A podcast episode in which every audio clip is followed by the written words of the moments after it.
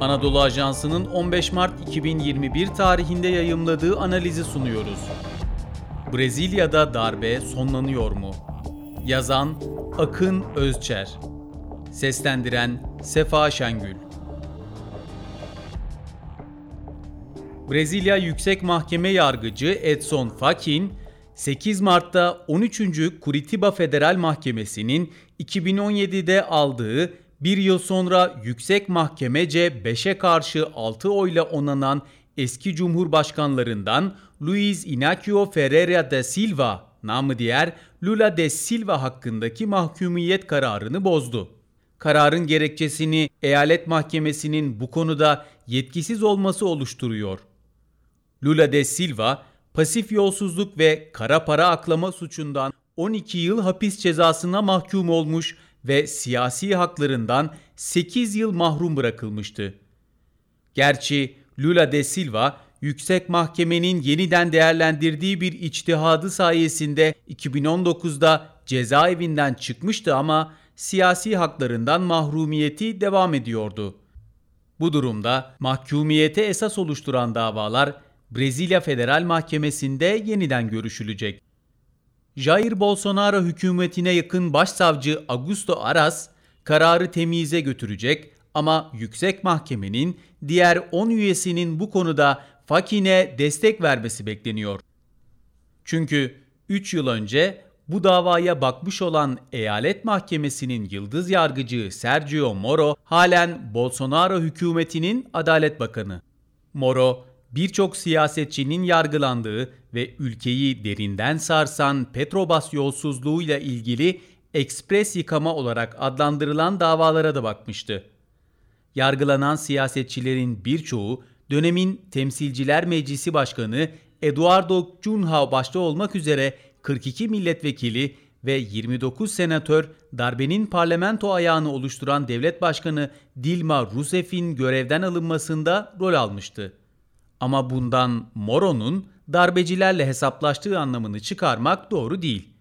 Moro'nun gerek Lula de Silva'nın önceki gün 500 yılın hukuk yalanı olarak nitelediği mahkumiyetine esas teşkil eden Leo Pinheiro davasında eski başkan aleyhinde takındığı tutum, gerek darbeden en büyük yararı sağlayan bugünkü devlet başkanı Bolsonaro'nun hükümetinde görev alması, darbeyi düzenleyenlere çok da mesafeli olmadığını ortaya koyuyor. Cunha'nın Nisan ayında çıkaracağı ve bomba etkisi yaratacağı bildirilen darbe günlüğü ile ilgili kitabı, o yıllarda siyasetçilerin nerede konumlandığına ışık tutacak kuşkusuz. Darbe neden ve nasıl olmuştu?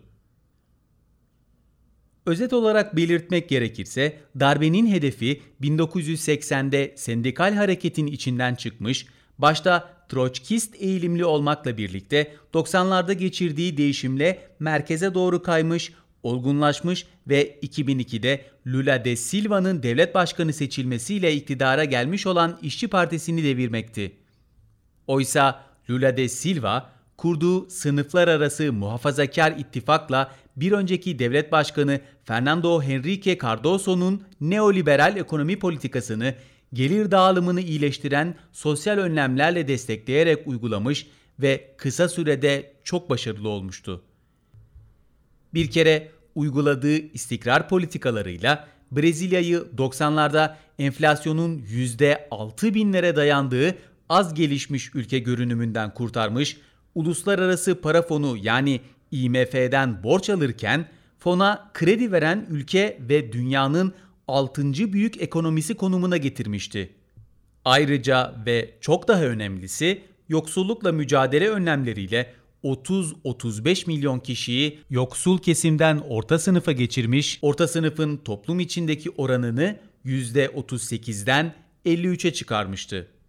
Seçmen kitlesini genişleten bu yeni orta sınıf sayesinde kendisi 2006 yılında artık üçüncü kez aday olamayacağı için de manevi kızım dediği Dilma Rousseff 2010 ve 2014'te seçimleri kazanmıştı.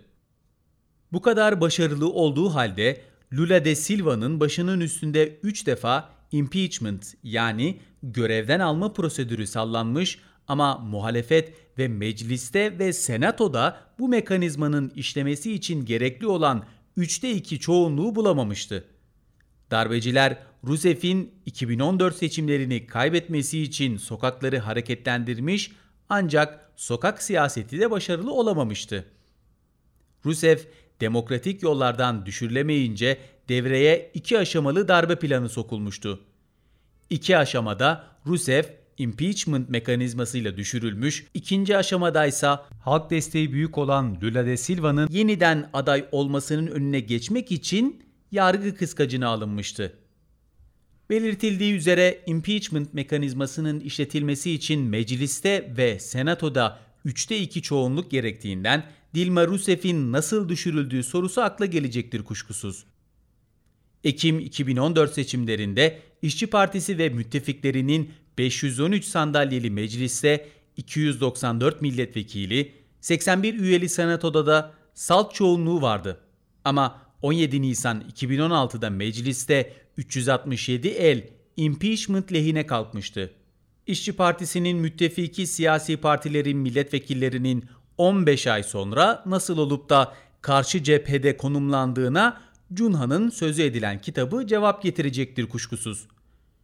Bu darbe planı tıkır tıkır işleyince 2018 seçimlerini esasen %20 dolayında desteğe sahip olan bugünkü devlet başkanı Bolsonaro karşısında güçlü rakip bulunmadığı için rahatlıkla kazanmıştı. Emekli bir asker olan Bolsonaro, ABD destekli 1964 askeri darbesi ve ardından iş başına gelen ve 1985'e kadar ülkeyi yöneten askeri diktatörlüğü savunan bir siyasetçi. ABD yanlısı tutumuna Başkan Trump döneminde Brezilya'nın Tel Aviv Büyükelçiliğini alelacele Kudüs'e taşıma kararı örnek gösterilebilir. Lula de Silva'nın 2022 seçimlerinde aday olması. Lula de Silva, mahkumiyet kararının bozulması 2022 seçimlerine katılma olasılığı gündeme getirdiği için önemli.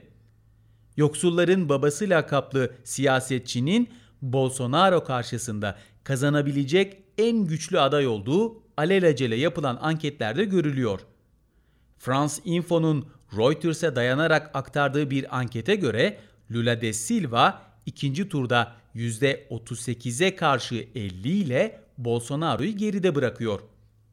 Konsultora Atlas'ın geçen cuma yayımladığı bir başka anket, Lula de Silva'nın Bolsonaro'yu %38,8'e karşılık 44,9 oyla alt edeceğini ortaya koyuyor. Bolsonaro'ya karşı Ciro Gomez gibi başka muhalif adayların da kazanma şansı var ama en güçlü aday Lula de Silva. El País gazetesine verdiği mülakatta siyaset benim DNA'm, yapmayı ancak öldüğümde bırakırım diyen 75 yaşındaki siyasetçinin 2022'de aday olması öncelikle Brezilya Federal Mahkemesi'nin seçimlerden önce lehinde karar vermesine veya kararını sürüncemede bırakmasına bağlı. Ama aday olması halinde yeniden seçilmesi mümkün ki bu da Brezilya darbesinin sonlanması anlamına gelecek.